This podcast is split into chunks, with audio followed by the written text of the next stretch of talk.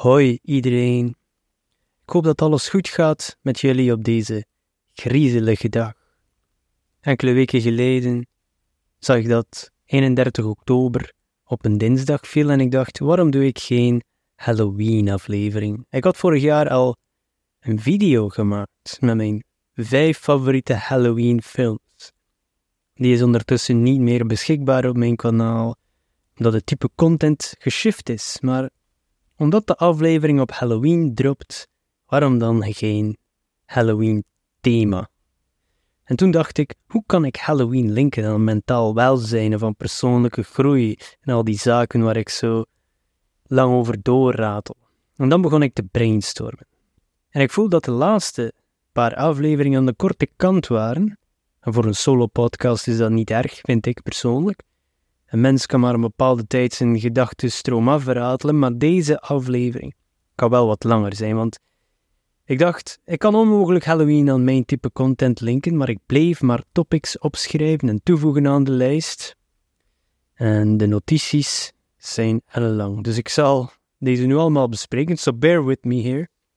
En ik kan natuurlijk niet diep duiken in alle topics, want het zijn er wat. En er zijn er mogelijk al een bod gekomen Ondertussen val ik af en toe in herhaling, maar dat is nodig. Daar heb ik al over gepraat. Ik heb al herhaald over herhaling. Oh my god. Anyway, als je een topic hoort waarvan je denkt, hmm, hier wil ik die kerels op mening wel over, laat me het dan weten en dan doe ik mijn best. Maar waar denken jullie aan bij het woord Halloween? Bij mij is dat Amerika. Want de trend komt vooral vandaar, volgens mij. Ik denk dat Halloween hier pas een ding werd toen ik een jaar of 12, 13 was. Een beetje te oud om te trick-or-treaten. We hebben het wel eens gedaan, een jaartje met vrienden, maar het werd meer een wilde tocht van tienerjongens. Dat was. Uh, ik zal dat privé houden. Snoep is het volgende woord die uh, bij mij komt naar boven drijven. En dat zal nog aan bod komen later in de episode. Wees niet bang. En bang daar zit de clue. Angst is het eerste die in mij opkomt als ik aan Halloween denk en in combinatie met horror natuurlijk. Uh, en angst en fobieën, de schaduwen van onze geest, dat kan ik natuurlijk linken aan mijn type content.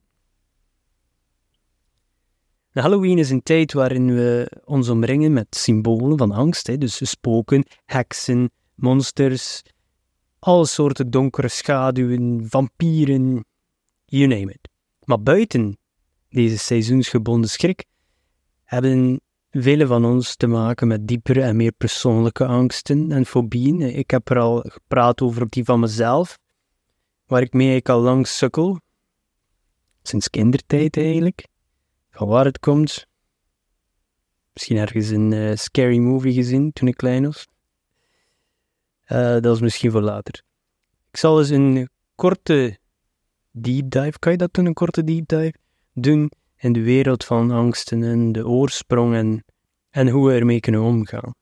Angsten en fobieën, wat zijn dat? Angsten, dat zijn doodnormale emotionele reacties op bepaalde situaties of objecten die wij als mens als bedreigend ervaren. En evolutionair gezien zijn die nuttig omdat ze ons alert maken op potentieel gevaar. Heb ik al over gepraat, hè? roofdieren en zo verder. Nu hebben we dat minder, maar we hebben een andere zaak waardoor onze stressrespons constant in actie schiet.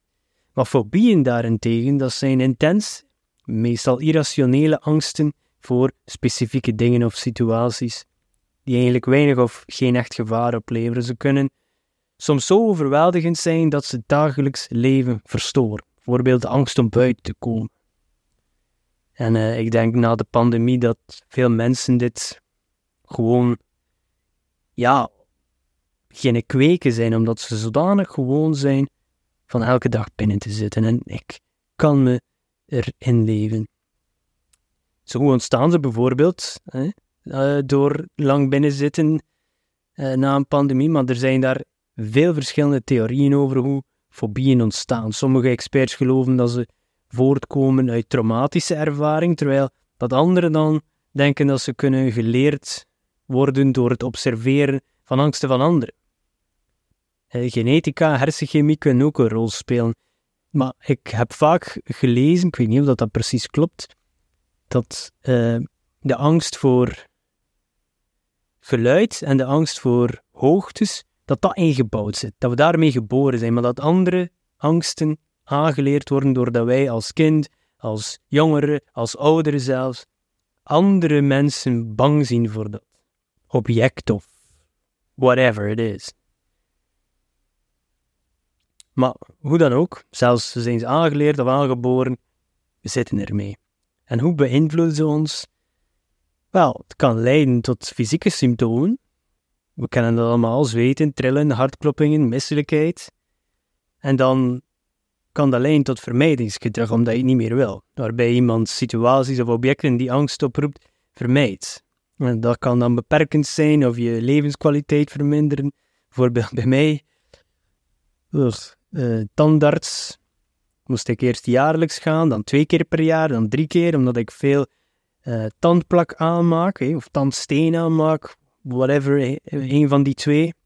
Moet je elke keer dat gaan laten poetsen, maar you know, dat komt met pijn en twee weken later is mijn tandvlees nog gezwollen. Dus nu vermijd ik dat een beetje. Is dat een angst fobie dat ik nu heb voor de tandarts? Ik weet het niet. Ik had nooit geen angst voor de tandarts, maar sinds dat ze me drie keer per jaar laten gaan, en zegt mijn brein, nee, nee, nee, nee, niet meer gaan, niet meer gaan. Maar de strategie om ermee om te gaan, hè, een daarvan is blootstellingstherapie. Waar je dan eigenlijk in die therapie wordt een persoon geleidelijk in een gecontroleerde omgeving blootgesteld aan de object of de situatie waar ze bang voor zijn om een angstreactie te verminderen. Maar ik heb daar nu geen zin voor om uh, elke dag naar de tandarts te gaan tot mijn angst voorbij is.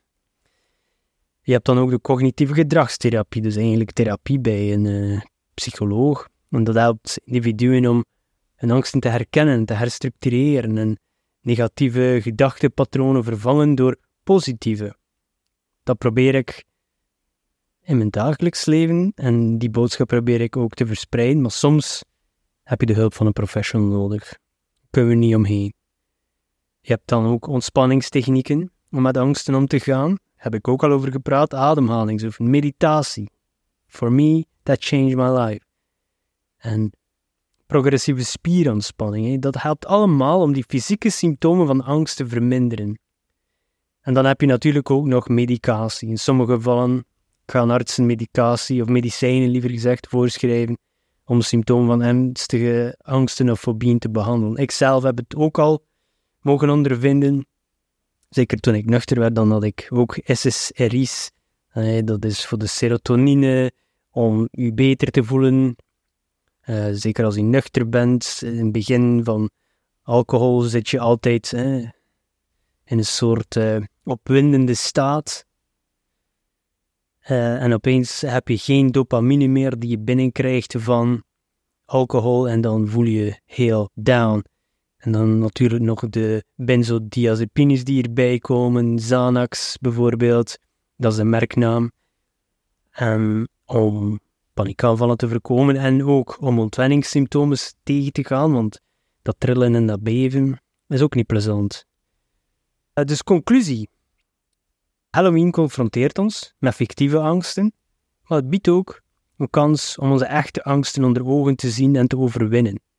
Als we daar een keer over nadenken en door te begrijpen waar dat onze angsten vandaan komen, hoe we ermee kunnen omgaan. Zo kan je stappen zetten naar een moediger, vrijer leven, want gehijacked worden door angst, man, ik weet het en ik leef er nog mee de ene dag gaat dat beter dan de andere, maar het is niet makkelijk om ermee te leven. I get that.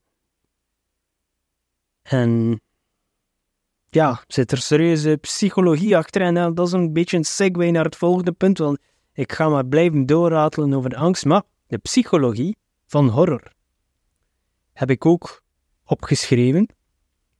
Uh, dus na het bespreken van persoonlijke angsten en fobieën vind ik dat fascinerend om te kijken naar dat cultureel fenomeen dat velen van ons aantrekt. Horrorfilms of horrorverhalen. Ik praat net over angsten en mensen die die angst vermijden, maar sommige mensen gaan dat opzoeken. Waarom kiezen sommigen van ons ervoor om zichzelf bloot te stellen aan deze angstaanjagende verhalen, terwijl anderen er heel ver vandaan blijven. Dus ik wil eens kort over die psychologie achter die keuze praten, dat even gaan verkennen. Wat is die aantrekkingskracht van horror? Op het eerste gezicht lijkt dat paradoxaal. Waarom zouden we nu vrijwillig kijken naar iets dat ons bang maakt? Er is één theorie dat ik las die suggereert dat horrorfilms ons in staat stellen om met onze diepste angsten om te gaan in een veilige omgeving. Is een manier om die adrenalinekick van angst te ervaren zonder eigenlijk echt gevaar te lopen. En het is zo, we zijn bang van een film, maar uiteindelijk het is maar een film. Je zit veilig in je woonkamer. Uh, en niet iedereen reageert uh, op dezelfde manier op horror. Er zijn studies die suggereren dat mensen die van horrorfilms houden een hogere tolerantie hebben voor angst en opwinding, en anderen kunnen daarvan genieten, van het gevoel van opluchting dat komt na de spanning van een enge scène. En er zijn ook mensen die empathischer zijn en daardoor meer overstuur raken door het zien van anderen in angstige situaties. Dat is een van de redenen waarom ik eigenlijk het nieuws vermijd. Horrorfilms, ik weet dat is fictie. Nieuws is echt. En ik ben redelijk empathisch, of heel empathisch, en het nieuws is overweldigend voor mij. Wat zegt dat over onze psyche, onze reactie op horror? Kan heel veel onthullen over onze persoonlijke angsten en copingmechanismen en zelfs over onze levenservaringen. En voor sommigen kan het kijken naar horror een manier zijn om controle te voelen over hun eigen angsten. En voor anderen is het een manier om empathie te voelen of zelfs traumatische gebeurtenissen te verwerken. Het kan voor sommige mensen therapeutisch zijn en voor sommige mensen traumatiseren. Dus dat is heel. Ik vind dat heel boeiend dat op horrorverhalen voor sommige mensen dat dat iets als goed kan ervaren en dan voor anderen traumatiseren. Ik denk dat ik daar ergens tussenin zit. Voor sommige mensen kan het dienen als een vorm van catharsis, waarbij de opgekropte emoties worden vrijgelaten.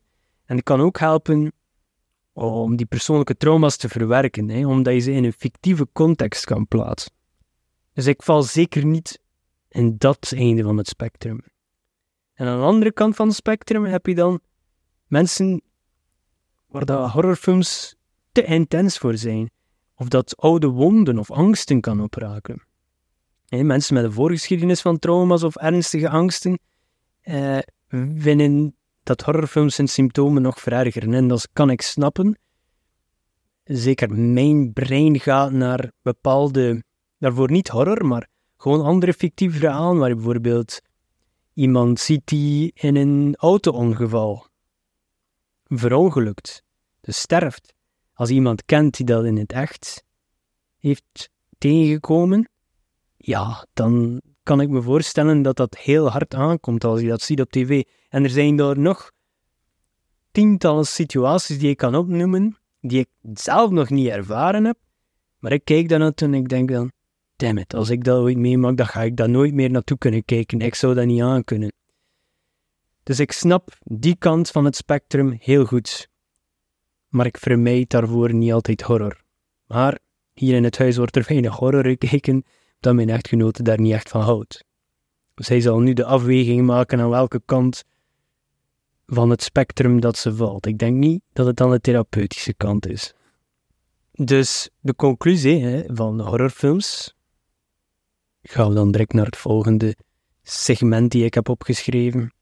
Maar net als alle andere kunstvormen is dat een spiegel van de menselijke psyche, van de geest. Bieden eigenlijk wel een veilige ruimte om onze diepste angsten en verlangens en conflicten te verkennen. Voor sommigen is het een therapeutische ontlading, een manier om angst te confronteren en te verwerken, voor anderen te intens of traumatiserend zelfs. Belangrijkste is dat je de reactie op horror kan herkennen, hè? dat het persoonlijk is en dat het vaak geworteld is in onze individuele ervaringen en gewoon de psychologische make-up. Terwijl Halloween nadert en de schermen vullen zich weer met griezelige verhalen, is het een uitnodiging voor ons om meer dieper in onszelf te gaan kijken en onze angsten te begrijpen en dan weer hopelijk manieren te vinden om daarmee om te gaan. transformeren. Weer een perfecte segue in het volgende segment, al zeg ik het zelf. Verhalen van transformatie heb ik ook opgeschreven. Monsters tot menselijke groei. Dat zien we heel veel in de Halloween-films. Niet alleen in tijd van griezels en gruwelen, maar ook van transformatie. De verhalen die vertellen van weerwolven, die veranderen bij volle maan, tot vampiers die transformeren in een uh, leermuis. Maar zijn ook metaforen voor diepere menselijke ervaring. Ik heb dat opgezocht. Dus ik wil daar ook eens kort over praten, want er zit daar symboliek achter. In die Halloween-verhalen. Bijvoorbeeld weerwolven, transformatie van mens naar wolf, staat symbool voor de innerlijke strijd tussen ons beschaafde zelf en onze meer primaire instinctieve verlangens, de beast mode. En het kan ook de cyclische aard van verandering en groei vertegenwoordigen. En vampiers, die transformatie kan gezien worden als een metafoor voor verleiding, onsterfelijkheid. En de strijd tussen goed en kwaad binnenin onszelf. Want die vampieren, vaak worden ze afgebeeld als sexy en cool of mysterieus. En eh, we hebben dat allemaal in ons. En die verleiding is soms moeilijk te weerstaan. En dan heb je die geesten en de spoken die vertegenwoordigen uh, onafgemaakte zaken. Hè? Spijt of het verleden dat ons blijft achtervolgen.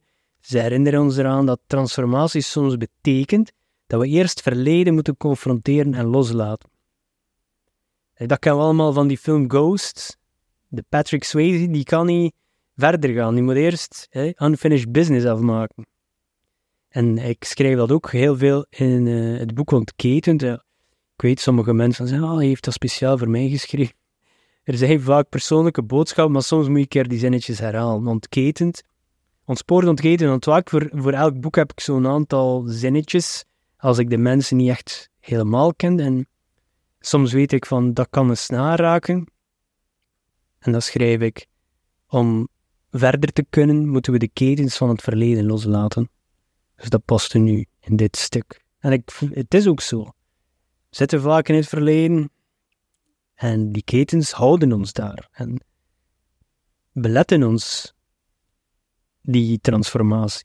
Dus ik heb ook al vaak gepraat over persoonlijke transformatie. Net zoals de personages in Halloween-verhaal ondergaan we allemaal transformaties in ons leven. Kunnen fysieke veranderingen zijn, hè, ouder worden of zoals ik, afvallen in emotionele, mentale veranderingen, hè, overwinnen van trauma's, nuchter worden. En, ik vind afvallen is niet alleen een fysieke transformatie, maar ook een mentale transformatie. Misschien zelfs meer in mijn eigen ervaring toch. Maar het komt met uitdaging en beloningen. Want ik weet, verandering kan beangstigend zijn. En het vereist vaak, ik zal zelfs zeggen 99% van de keren, dat we onze comfortzone verlaten. En dat we oude gewoontes loslaten en het onbekende gewoon gaan omarmen. Net zoals die personages in je favoriete Halloween-verhaal. En hoe kan je jezelf transformeren als je daar geïnteresseerd in bent? Anders zou je niet luisteren naar deze podcast uh, of mijn YouTube-kanaal volgen, maar zelfbewustzijn is een hele grote. We moeten onszelf begrijpen, onze sterktes en zeker onze zwaktes. En dan kun je gerichte stappen zetten naar groei. En een keer dat je begint te groeien en leren, dan moet je gaan zoeken naar nieuwe kansen, weer nieuwe dingen om te leren, nieuwe ervaringen opdoen en weer je horizon verbreden. En dan angsten confronteren, net zoals die, uh, de helden dan, niet de schurken in Halloween-verhalen. Het is nodig om onze angsten onder ogen te zien en echt te transformeren, hè. zoals ja, It, uh, Freddy Krueger, allemaal heel scary. Maar we moeten ze confronteren, anders blijven ze achter ons aankomen. Dus die verhalen van transformatie dat we vertellen tijdens Halloween zijn meer dan alleen griezelige spookjes voor... Spookjes. Sprookjes. Sprookjes, Samson. Ze zijn, eh, ze zijn een weerspiegeling van de menselijke ervaring. Ik heb dat al net al gezegd. Maar naar het eeuwige verlangen van groei en verandering. Terwijl dat je geniet van die uh, ghostly festivities, kunnen we ook een momentje nemen om na te denken over onze eigen reis van transformatie. En uiteraard de stappen dat we kunnen nemen om onze beste zelf te worden. En dan hebben we het belang van maskers bij Halloween. Ook heel belangrijk, maar het is meer dan alleen verkleden in deze aflevering. En maskers dragen, daar voel ik dat ik echt wel een ganse aflevering zou kunnen overmaken. Maar vroeger als tiener, als je zoekt naar je identiteit, zo verwarrend. Masker op school, een ander masker bij de vrienden. Ik ben ook kind van gescheiden ouders, dus bij je moeder gedraag je een beetje anders, bij je vader gedraag je anders. Overal neem je een andere rol aan. En dat was, zoals ik zei, verwarrend. Maar als Halloween nadert, zien we overal maskers in de winkels van griezelige gezichten, komische karakters. Maar ik praat over de onzichtbare maskers die we dagelijks dragen. Wat betekent dat voor ons? Hoe beïnvloeden ze ons dagelijks uh, leven? Eerst wil ik even terugkeren naar de geschiedenis van maskers. Het zijn al duizenden jaren een integraal onderdeel van de menselijke cultuur. Overal zie je dat in de literatuur. Ze worden gebruikt in rituelen, ceremonies, in theater. Ze kunnen uh, geesten vertegenwoordigen, emoties uitdrukken of bepaalde rol of status symboleren. Hier in Oostende heb je ook die maskers van Ensor is dat zeker? Oh my god, mensen zijn die weten niet eens van Oostende, die weten er niks van. Heb je die Balderamor toestanden en allemaal. Eh, ja. Mensen die van Oostende zijn, zullen me nu vast aan het vervloeken zijn aan de andere kant van de speaker. Man kan het niet allemaal weten, zeg. Maskers zijn dus al duizenden jaren deel van ons. Je hebt dan de metafoor van een masker waar ik het over wilde hebben. In de moderne samenleving vooral dragen we die om ons ware zelf te verbergen. Nu hebben we de filters op social media. Dat is ook een, een masker, hè? Een masker van perfectie. Vele mensen voelen de druk om perfect te zijn hè? in dat social media era, tijdperk. Verbergen de onzekerheid, airbrushen. Ze, ze, verbergen die achter die façade eigenlijk. Het is een façade van perfectie. En dan heb je een masker van sterkte.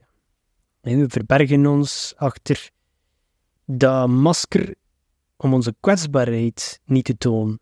Zeker als we geloven dat we moeten sterk zijn voor anderen. Dat komt in mijn mening veel voor bij mannen, ik heb daar al over gepraat, die hun emoties niet durven delen, omdat ze altijd gezegd geweest zijn dat is niet mannelijk, dat is zwak, eh, nooit wenen, bla bla bla, je kent dat wel. Hè? Dus, maar die maskers, dat komt met een kost. Dan heb je masker van onverschilligheid bijvoorbeeld. En ook om jezelf te beschermen, doen we vaak alsof dat we onaangedaan zijn om hetgeen wat er rondom ons gebeurt. Wow, whatever, I don't care. Maar van binnen, ja, het, uh, doet het ons meer dan dat we durven toegeven. Maar kunnen maskers of metaforische maskers ook gezond zijn? Ik denk dat er momenten zijn waarop het dragen van een masker nuttig is en zelfs noodzakelijk kan zijn. Hè. Bijvoorbeeld in de professionele context. Op het werk kan het nodig zijn om persoonlijk problemen of emoties te verbergen. Hè. Als je wilt professioneel blijven, vind dan een dubbeltje op zijn kant. Ik vind dat je jezelf moet zijn, maar ja, het is ook niet echt uh, productief om, om alles te delen of to break down in tears in een sollicitatiegesprek. Misschien, misschien helpt het met de job te krijgen, wie weet. En omgaan in een crisistijd kan het ook handig zijn om een masker op te zetten. In tijden van crisis kan je masker van kalmte en kracht opzetten, gewoon om anderen gerust te stellen. Leidinggevenden kunnen dat gebruiken. Presidenten, kan u niet een voorbeeld geven. Iedereen zal dat beeld van president Bush nog weten. Hè. Misschien niet de beste president die, die Amerika ooit gehad heeft. Maar je moet wel toegeven, toen hij het nieuws kreeg van 9-11, wanneer hij aan het voorlezen was voor die kleine kinderen, en die mensen komen dat in zijn oor fluisteren. Dat was nu een keer een masker van kant en kracht, man. Yo, je kan dat opzoeken op YouTube als je het niet meer zou herinneren. Als je zo'n nieuws krijgt en je kan gewoon die kalmte bewaren voor de kinderen, zodat je geen paniek veroorzaakt, wel, chapeau. En ook bijvoorbeeld, ik ga dan meer een persoonlijk voorbeeld geven, zelfs geen leidinggevende mensen, bijvoorbeeld stewards of stewardessen in een vliegtuig, als je even turbulentie hebt en je kijkt naar die mensen en zie, zij zien er nog kalm uit, dan word ik ook weer kalmer. Dus dank u wel om altijd dat masker kalmte op te zetten. Misschien is het bij, bij hun zelfs geen masker. Misschien zijn ze niet bang. Uh, zeggen ze, wow, we zijn dat gewoon. En dan heb je ook nog het masker van persoonlijke bescherming. Hè. In sommige situaties kan het zijn dat je ja, je ware gevoelens moet verbergen om je te beschermen tegen misbruik. Hè, of mensen die er ja, misbruik van maken gewoon. Maar je hebt dan ook andere situaties dat een masker ons kan tegenhouden. Ze kunnen nuttig zijn, maar ze kunnen ook belemmerend zijn. Verlies van authenticiteit, constant dat masker dragen, dat kan er toe leiden dat we onszelf verliezen. Hè, wat dat belangrijk is voor ons. Ik denk dat ik dat een beetje meegemaakt heb. En misschien nog soms, want soms denk je al, hmm, who the fuck am I now? Ik denk dat we dat allemaal wel eens meemaken. En dan heb je emotionele ophoping, dat opkroppen, het onderdrukken van emoties. Dat leidt tot stress, angst en andere mentale gezondheidsproblemen. Nog eentje die ik, ja man, ik denk dat ik hier een kast vol maskers heb, mensen. En dan ook belemmerde relaties. Dus echte diepe relaties die zijn gebaseerd op openheid, op vertrouwen, trust. Als we ons voortdurend verbergen achter een masker, kun je nooit echte verbinding maken met anderen, commitment. De conclusie van dit deel is, maskers van Halloween, dat is een speelse manier om te verkleden, om te ontsnappen, maar ze herinneren ons ook aan de maskers die we elke dag dragen. Is essentieel essentieel, mensen, om te reflecteren op de redenen waarom we kiezen om deze maskers op te zetten en om te herkennen wanneer ze ons dienen en wanneer ze ons tegenhouden. Ik heb er een paar opgesomd met voorbeelden, dus daar kan je eens bij stilstaan. Door authentiek en waarachtig te leven, dan pas kan je leven leiden die betekenis heeft, die betekenisvol is en vervullend. Tjoef! de maskerboterham. Volgende dat ik opgeschreven had in mijn notities, Halloween linken met groei, mentale gezondheid, fysieke gezondheid, was omgaan met verlies. De herfst van het leven, hè? of loslaten, de cyclus van loslaten. Hè? De herfst is perfect metafoor daarvoor met zijn vallende bladeren, kortere dagen, is een natuurlijke herinnering aan de vergankelijkheid van het leven. Niet is voor altijd. En terwijl Halloween nadert met die symbolen van de dood, hè, Dios de los Muertos, excuse the pronunciation, worden we aangemoedigd, in mijn opzicht toch, om dieper na te denken over verlies en hoe we ermee omgaan. En dat is een tijd van verandering en overgang, de herfst. Kunnen we niet omheen. De bomen, zoals ik zei, laten hun bladeren los. En de laatste uitbarstingen van kleur heel de baan vol ligt.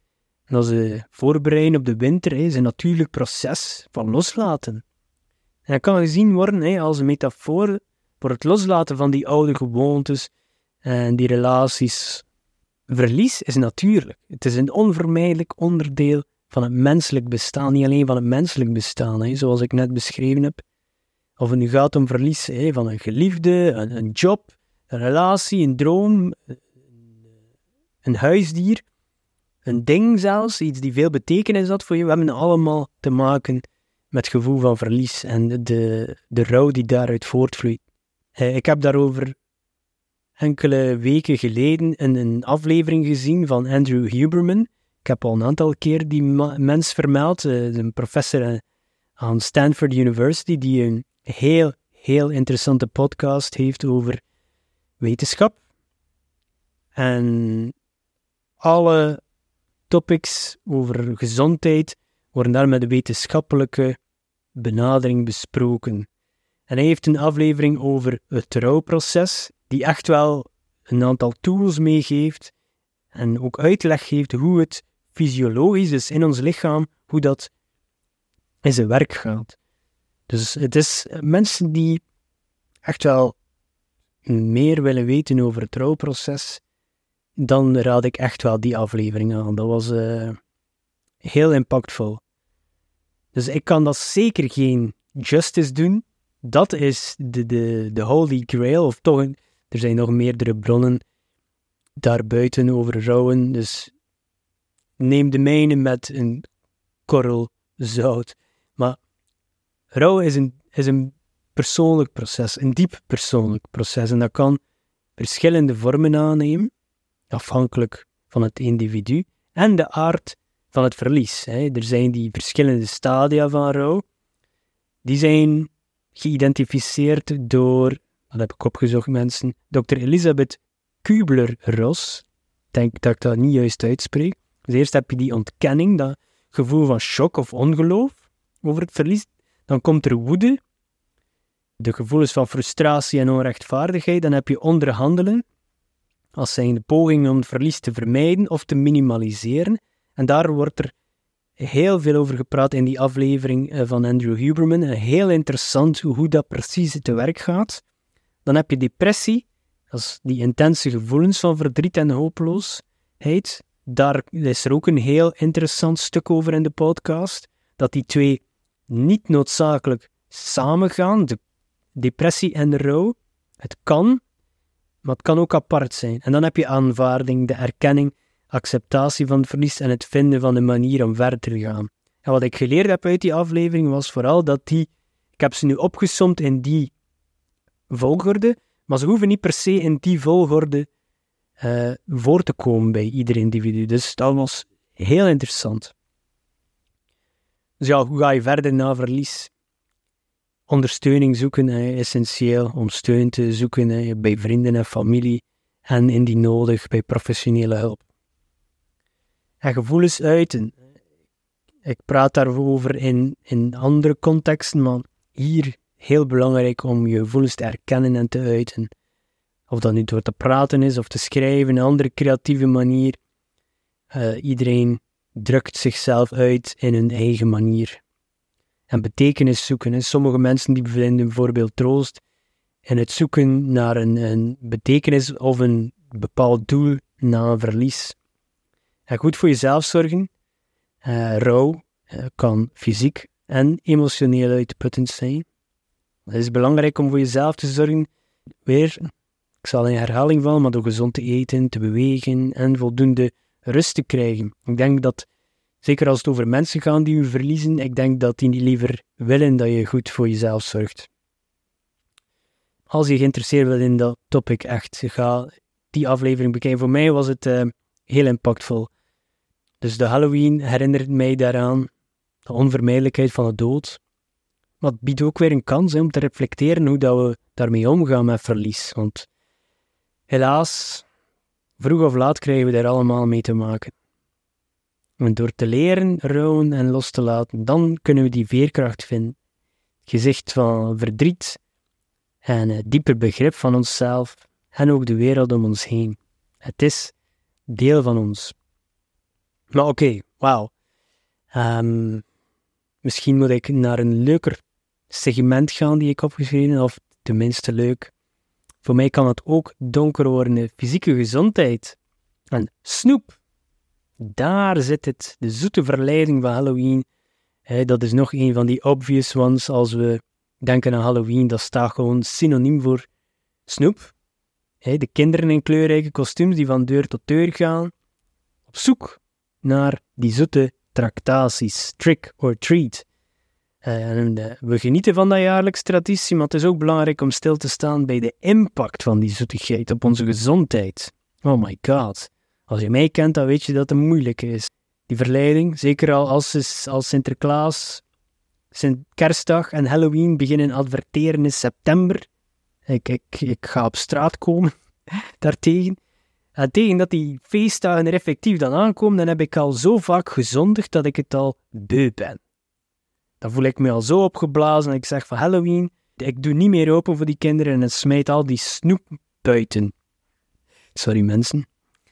Maar ja, de effecten van suiker op het lichaam, dat is enorm groot. Zeker mijn lichaam is daar enorm gevoelig aan. Energiepieken en dalen, dat kan een snelle energieboost geven, die suiker, maar ik krijg dan die zogenaamde suikerdip wanneer de bloedsuikerspiegel weer daalt. En dan ben ik echt geen mens meer. En dan tandbederf. Ik praat al van die frequente bezoekjes aan de tandarts. We weten dat suiker schadelijk is voor de tanden, de schadelijke bacteriën in de mond, en dan kan je dan gaatjes krijgen en zo verder. En gewichtstoename, oh, jeez. Zeker als we overmatig suiker gaan innemen. Ons lichaam slaat die extra calorieën op als vet. En zegt van, oh, uh, de Said is uh, hem aan het voorbereiden op een strenge winter. We gaan hem maar opslaan hè, als reserve. Maar ja, we weten in de moderne tijden, gelukkig, toch, wij hier in de westerse wereld hebben we meestal wel voldoende calorieën dat we die extra vetlaag niet gaan gebruiken. Dus ja, we slaan die altijd maar op en, en die, die zwembad werd bij mij maar groter en groter. En mijn kleren werden ook altijd maar groter en groter. Hey, maar al jokes aside, het heeft ook invloed op het hart. Uh, suiker is gelinkt aan verhoogd risico op hartziekten. En dan heb je nog een keer insulineresistentie. En dat kan leiden tot uh, diabetes type 2 en zo. Dus suiker, mm, nou man, genieten met mate. Want we kunnen het niet volledig vermijden, maar stel limieten. Bepaal, dat is key. Bepaal vooraf hoeveel snoep jij mag eten en je kinderen ook eventueel en houd je daaraan. Ik doe dat bijvoorbeeld bij mijn maaltijden die ik registreer in mijn app. Ik doe dat vooraf al. En ik bepaal ook vooraf al wat ik die dag en zelfs in de week al ga eten. En dan hou ik me daaraan. Als ik ga improviseren, dan gaat het meestal verkeerd. Hè. Mijn echtgenote zal dat weten. Als we de zaterdag niets gepland hebben om te eten, dan, dan gaat het fout. Wat er ook een goede tip is, bewaar het beste voor het laatst. Hè. Kies dat je favoriete snoepjes. Uh, en als je er dan nog heel veel over hebt, uh, geef ze aan de buur. Laat hun ermee uh, dealen. of smijt ze gewoon weg. Soms moet je van je hart een steen maken. Ik ben niet voor verspilling, maar ik ben ook niet voor die gezondheidsproblemen die ik daarnet opnoemde. En verspreid genot, hè. Ehm, en dat is een moeilijke, in plaats van in één keer op te eten, over meerdere dagen of weken verspreiden. Maar als het, als bij mij in huis ligt, dan moet dat op. Dus conclusie, hè, het is een, een uh, tijd om snoep te eten, Halloween.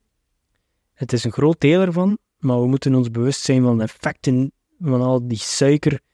En door gezondere keuzes te maken, dan kunnen we genieten van de festivities of Halloween, zonder onze gezondheid in gevaar te brengen.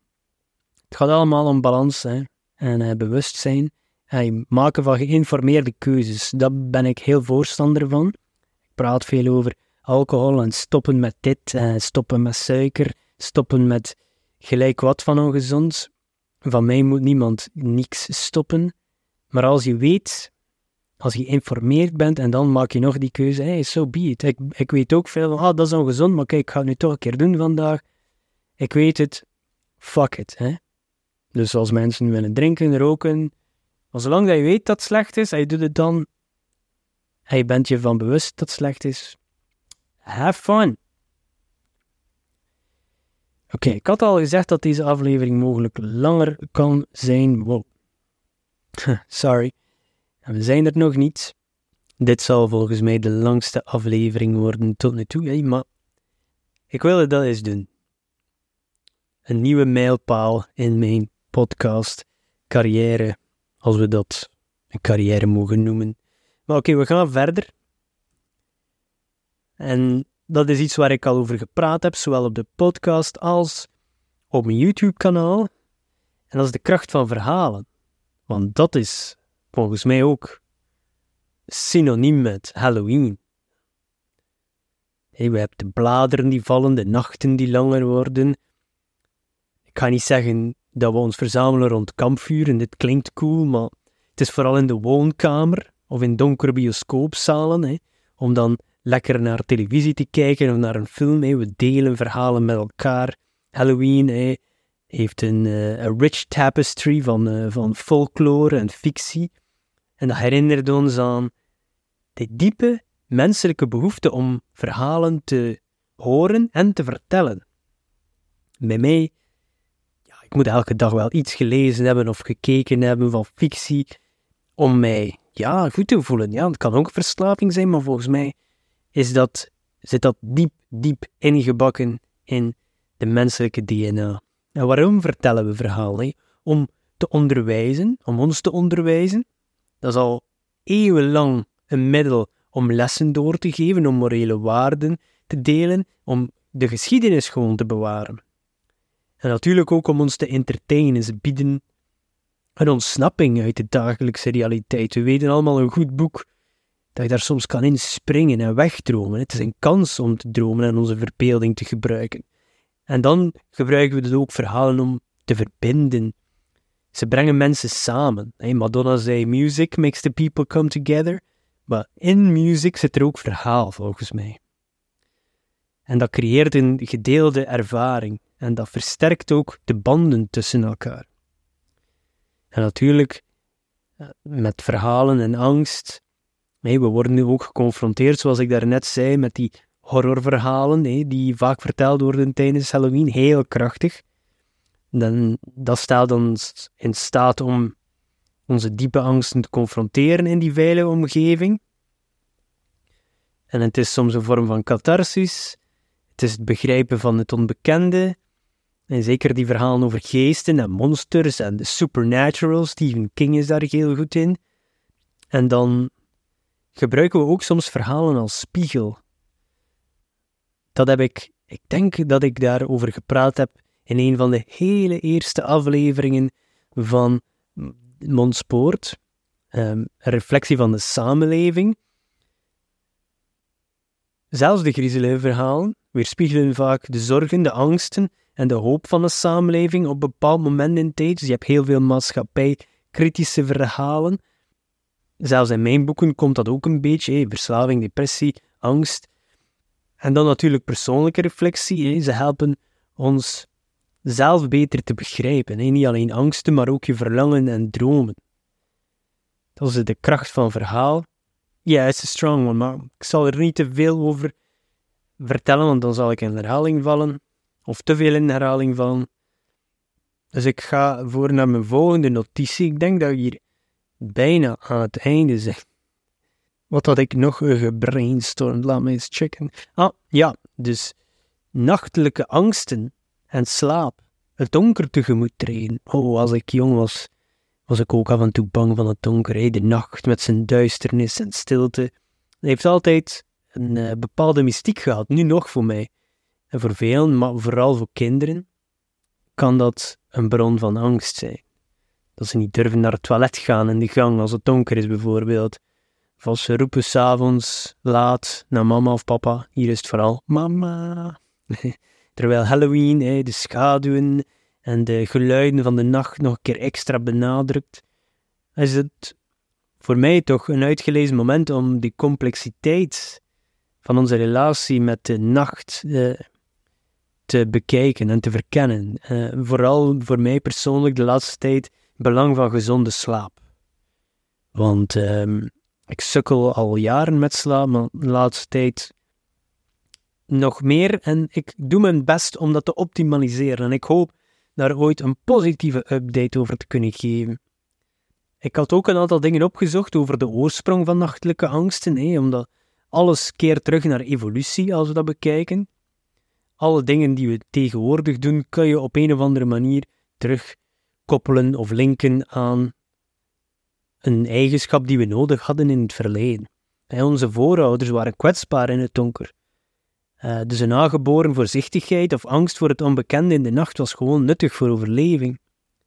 Ja, bijvoorbeeld geluiden, onbekende geluiden en schaduw in het donker, hè, dat verandert onze perceptie, waardoor gewone alledaagse dingen gewoon onherkenbaar worden en soms beangstigend. We weten allemaal, als we bijvoorbeeld in het midden van de nacht wakker worden, kunnen we soms verschieten van een, een schim of een schaduw, eh, dat we denken dat er daar iemand staat en als we het licht aansteken is dat gewoon een, kapstok of zo. Of een, of een grote cactus. En natuurlijk, door het vorige segment te verhalen die we ondertussen kennen, ja, dat draagt ook bij aan onze angsten, hè, want uh, die culturele en media-invloeden zitten ingebakken doordat we als kind horrorfilms of verhalen gezien hebben. Chucky, Freddy Krueger, Jason. En, en, dat zit ook in ons achterhoofd als we s'nachts in het donker rondlopen. Dus ja, uh, s'nachts komen die angsten naar boven, maar liever lig ik te slapen. Dus ja, slaap is heel belangrijk. We weten dat. Uh, voor de fysieke gezondheid, de mentale gezondheid, emotioneel welzijn, voor lang leven. Uh, ik heb al gepraat over het boek Why We Sleep van uh, Matthew Walker. Heel goed boek. En Outlive van Dr. Pieter Attia. Als je wil weten over lang leven en gezond leven, wel, dan weet je dat slaap aan de basis ligt. Daarom dat ik zo gefrustreerd ben dat mijn slaap nog niet goed zit. Want die is heel belangrijk. En dan als we slapen hebben we soms ook nog een keer nachtmerries. Hè? En uh, vaak betekent dat dat we ervaringen aan het verwerken zijn. Het kan een manier zijn voor onze geest om die stressvolle of traumatische gebeurtenissen te, te processen. En dan heb je ook die symbolische interpretaties. Ik heb dat een aantal keer opgezocht, hè, waarom ik bijvoorbeeld droom over mijn tanden niet uitvallen. Of uh, als je in onderbroek op school toekomt, terwijl ik al 18 jaar niet meer naar school ga. dat is een beetje raar als dat een oude kerel in school toekomt. Oké, okay. Pas op, je gaat gecanceld worden. Maar vele mensen suggereren dat dus dat dat symbolische boodschappen bevatten die ons dan inzicht kan geven over die innerlijke gevoelens. Soms dat je niet veilig voelt in je leven of dat je uh, onzekerheid hebt, dat speelt allemaal mee. Ik weet natuurlijk niet wat is er daarvan waar. Het enige dat ik weet is dat we moeten zorgen dat we een gezonde slaaproutine hebben. Misschien hebben we dan ook minder nachtmerries. Hè. Daar moet je gewoon consistent in zijn. Elke dag op tijd naar bed gaan. Uh, ontspanningsrituelen, lezen, luisteren naar rustige muziek, white noise. En mediteren natuurlijk. Daar gaan we straks nog over hebben. Zorg dat je een donkere, koele kamer hebt. Zo weinig mogelijk bright light vermijden tien uur. En cafeïne beperken en suiker beperken in de uren voordat je gaat slapen. Ik heb er al video's over gemaakt. Go check those out. Er zijn nog andere, andere, duizenden andere bronnen daarvoor. Ook weer de eerste aflevering van een Andrew Huberman, zijn podcast gaat over slaap. Heel, heel interessant. En dan komen we bij de laatste die ik had opgeschreven: mindfulness. Wat heeft dat nu weer te maken met Halloween? Wel, dat is misschien een klein beetje een stretch. Uh, maar mindfulness en het onbekende. We navigeren eigenlijk door de schaduwen van onze geest en onzekerheid. Halloween roept sowieso beelden op van die schaduwrijke figuren, die mysterieuze geluiden, het rijk van het onbekende. En in ons dagelijks leven worden we, ja, ook geconfronteerd met het onbekende. Of dat nu gaat om onzekere toekomstige gebeurtenissen of onopgeloste vragen, innerlijke angsten. En daar komt, ik weet het, ik hamer er altijd op, man, het heeft mijn leven zoveel veranderd. Die mindfulness en meditatie, die bieden enorm krachtige hulpmiddelen voor die onzekerheden te navigeren ja, onze reactie op het onbekende, dat is hè, meestal een soort van bang zijn. Hè. Dat is de menselijke natuur. Het is natuurlijk voor mensen om bang te zijn voor het onbekende en, en terugkeren opnieuw naar die evolutie. Evolutionair gezien hielp die angst ons om gevaren te vermijden en veilig te blijven.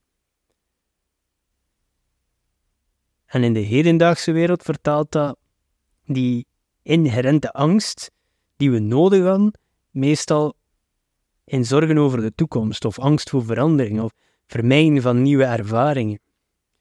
Dus eigenlijk de moderne samenleving kaapt onze oude hardware eigenlijk. Ja, en maakt het heel moeilijk. Maar kort nog eens even, om af te sluiten, wat is mindfulness? Hè? Eerst en vooral, het is gewoon aanwezig zijn. Het gaat over volledig aanwezig zijn in het huidige moment zonder oordeel. Dus zelfs als je een keer mediteert en je merkt dat je afgedwaald bent in gedachten, keer terug naar je thuisbasis, en dat is de adem of het gevoel van de grond onder je voeten. Maakt niet uit, keer terug zonder jezelf te vervloeken. Het is ook bewust observeren van onze gedachten, ook van gevoelens, sensaties, geluiden, zonder erdoor meegesleept worden. Je kan gewoon gedachten zien voorbijdrijven. Ah ja, oké. Dat was een gedachte, niet verder borduren en keer terug naar die thuisbasis. En dan acceptatie, het accepteren van de huidige realiteit. Zelfs als het oncomfortabel is of onzeker, we hebben geen controle over alle facetten van ons leven. Dus als we dat kunnen accepteren, dan is er minder weerstand, less suffering. Uh, en mindfulness, hoe helpt dat bij het omgaan van het, met het onbekende? Ja, zoals ik zei, verankering in het heden. Hè? doordat je concentreert op het huidige moment, kunnen we ons losmaken van zorgen over de toekomst of spijt van het verleden. En dat stelt je in staat weer om angsten en zorgen te herkennen zonder erdoor overweldigd te worden, als je dit tenminste op regelmatige basis oefent. De amygdala, dat, staat, dat is een stukje in je hersenen, een onderdeel van je hersenen, en dat staat bekend als het fear center, de vecht- of vluchtreactie. Wel, regelmatig mindfulness kan dat deel van de hersenen kalmeren. Dat is ook bewezen fysiek, fysieke veranderingen in uw hersenen. Dus ja, ik kan de waarde ervan niet overstaten. Ik vind dat iedereen het is en zou moeten proberen. Als het iets is voor jou, dat ga je dan wel zien. Maar je moet het natuurlijk eens proberen. Dus terwijl dat die mysteries en de schaduwen van Halloween ons herinneren aan het onbekende in de wereld om ons heen, kan mindfulness je herinneren dat we wel hulpmiddelen hebben om het onbekende te navigeren. En gewone houding van nieuwsgierigheid aanhouden, acceptatie en ook aanwezigheid. Je moet dat cultiveren. En zo kan je onzekerheden van het leven met moed en helderheid tegemoet treden. Yeah man, I think that's it. Wauw. Uh, ik uh, zal serieus wel moeten monteren in deze aflevering. Dat is uh, de eerste keer denk ik dat ik zo'n lange aflevering gemaakt heb. Ik zou eens moeten checken. ik hoop dat ik jullie niet te veel verveeld heb, dat ik niet te veel in herhaling gevallen heb. Ik weet, met die notities kan het zijn dat ik misschien een aantal zaken herhaalde, maar, you know, it is what it is. Ik heb ook al eens vermeld dat 90% van onze gedachten repetitief zijn, dus het is menselijk. We gaan niet oordelen. Het is dat je op Spotify 5 sterren geeft aan de podcast, dan mag het wel. Wees niet te streng voor jezelf. Geniet van Halloween, geniet van de snoep. En uh, ja, niet te veel hè. Ik zie jullie volgende week. Ciao.